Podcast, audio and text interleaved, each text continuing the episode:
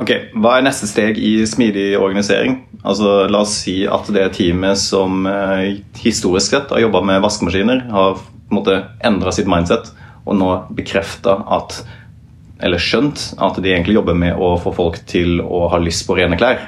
Eller treffe det behovet som folk har lyst på rene, der folk har lyst på rene klær. Hva, hva er neste steg for dem? Nei, eh, de eh, Det handler jo veldig mye her om det at det er det Teamet blir satt til å eh, sørge for at organisasjonen klarer å oppnå det målet om at folk skal få rene klær. Eh, og Det betyr også da at teamet er nødt til å finne ut av eh, hvordan de skal klare å løse det behovet og bygge en tjeneste som faktisk treffer på kundene sine behov. Og Det betyr jo da selvfølgelig at teamet er nødt til å ha de riktige verktøyene og den riktige kompetansen til å klare å løse det problemet eh, som de skal, eller oppnå den verdien som de skal for kundene. da. Hmm. Men eh, ja. Nei, jeg bare tenker, Vi har jo snakka mye om den vaskemaskinen allerede. Eh, og det at man kanskje har liten plass i en leilighet. Mm. Så hvis utgangspunktet er at ok, vi vet at folk eh, ønsker rene klær fortsatt, men eh, det er litt problematisk at en vaskemaskin for det første koster ganske mye eh, og tar opp en del plass i leiligheta din. Så der har du på en måte et problem du kan starte med Mm. og utforske. Hva kan vi gjøre da? Og da var vi jo inne på tidligere det her med hyppige læringssykluser. At du må liksom eh, enten eh, bare gå ut og snakke med kundene om det her problemet, eller komme opp med noen ideer og så rett og slett begynne å teste det. Skape, teste, lære. Ok, ja. Men hvordan går teamet frem, eller hva må teamet gjøre i organisasjonen? Må de liksom eh, Altså hvordan omdøper de seg selv? omrigger de seg selv fra vaskemaskinproduksjon og vaskemaskindesign til å gjøre noe annet? Nei, Det handler om hvilke rammer de har fått. da. Sant? Hvis de har fått eh, eh, mandat fra oven, for å si det sånn, som er 'du skal designe vaskemaskin', Mm. eh, så er det jo vanskelig å på en måte plutselig bare si at 'nei, vi har ikke laga en ny vaskemaskin', vi har kommet opp med en eh, eh, vasketjeneste som plukker opp klærne dine på døra og leverer det ferdig vaska og bretta tilbake. Eh, for da er du jo langt utafor det mandatet du har fått. Mm. Eh, Så vi eh, snakker gjerne om myndiggjorte team, og at de må ha få myndighet til å liksom utforske Utforske det problemområdet, da. Og at de må ha kanskje litt bredere rammer enn tradisjonelt sett, hvis man har sagt at ok, du skal bare lage vaskemaskin. Ok, ja. Og, og så i det da, så er jo det eh, det er jo også viktig, altså Grunnen til at vi snakker der om eh, myndiggjorte team fremfor autonome team, som er et veldig utbredt begrep i eh, det norske næringslivet i dag og resten av verden. Eh, grunnen til at vi snakker om myndiggjort, er fordi at eh, autonomi det høres ganske frittstående ut, som at det er en lite, en liten, et lite produktteam som sitter på siden av organisasjonen og farer av gårde uten å egentlig måtte forholde seg til resten av organisasjonen. Eh, mens i myndiggjort så handler det om disse rammene som eh, Pia snakker om. Eh, de, må både utvides og settes eh, og alignes egentlig med resten av organisasjonen på et vis. da. Så hvis man ser på den eh, modellen til Spotify med de to aksene, alignment og autonomy, mener dere da at myndiggjøring eller myndiggjorte team er summen av de to aksene? Ja, på sett og vis. Ja? Ja. Fordi at det er Hvis man opererer helt fritt i organisasjonen, så er jo det eh, ja, ingen som holder i på en måte totalen og sørger for at man, man kommer i mål. Hvorfor er det viktig å holde på totalen, egentlig? Er det ikke bare viktigere at de løser behovet på best mulig måte? Eh, jo, det kan du jo si, men du vil jo som en eh, bedriftsleder da, så er det jo sånn at for at en bedrift skal gå rundt, så må du ha inntekt, og den må være høyere enn kostnadene dine hvis du skal kunne lønne ansatte. Mm. Eh, og du har gjerne noen aksjonærer som du må svare til.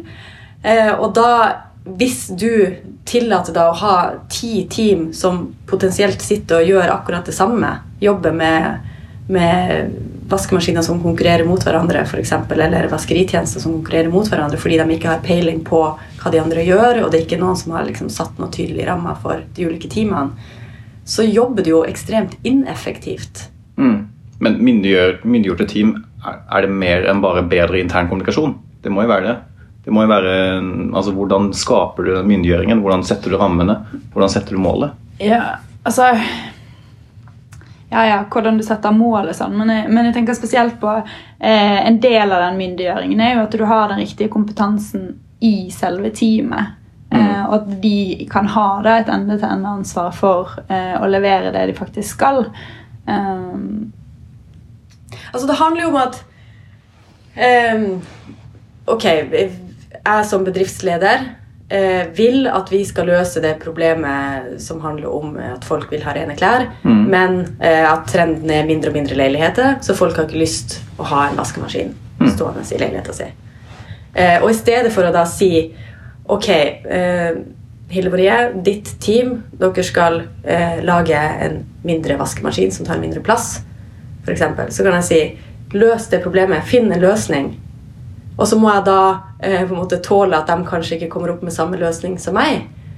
Sånn at det er dem som sitter tettest på kunden da, og gjør innsiktsarbeidet. Og da må jo også dem kunne si at ok, vi har mest mer trua på en vaskeritjeneste enn en eh, mini-vaskemaskin hvor du kan vaske tre sokker og en truse.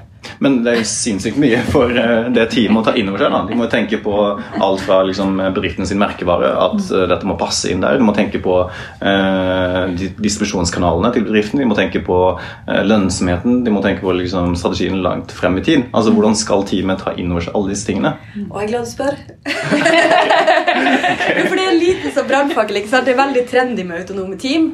Og så er det noen, tør jeg påstå, som bare tenker at ja, men eh, vi har jo et utviklingsteam som f.eks. jobber eh, ja, jobber et produktutviklingsteam.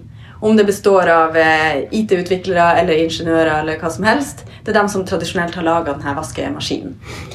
Eh, og så tenker man at ja, men hvis vi bare gir dem autonomi, så kommer det her til å suse av gårde og bli dødsbra.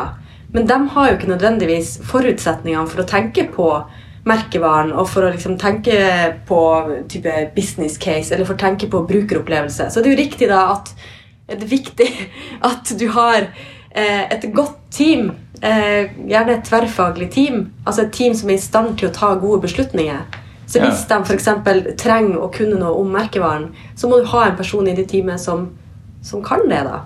Som kan ta gode beslutninger rundt men, det. men det stiller jo visse krav òg, da, for det, eh, Man må jo være mer eh, dynamisk i måten man setter sammen team på. fordi at det er Helt avhengig av det problemet man skal løse, så, så eh, betyr det at man trenger en viss type kompetanse. da. eh, som man må sette sammen på en litt mer dynamisk måte enn veldig tradisjonelle organisasjonsstrukturer kanskje tillater. Mm. Men i den verden der, hva blir egentlig rollen til eh, ledergruppen? Det blir kanskje mer koordinering. Altså det å koordinere hva de ulike teamene jobber med. Mm. Eh, og egentlig sørge for rammene. Men jeg tenker at eh, kanskje vi skal ta det i en egen samtale, fordi det er ganske mye også okay, som ligger der. Jeg vil bare vite hvem jeg skal snakke med for å få den vaskemaskinstolen min.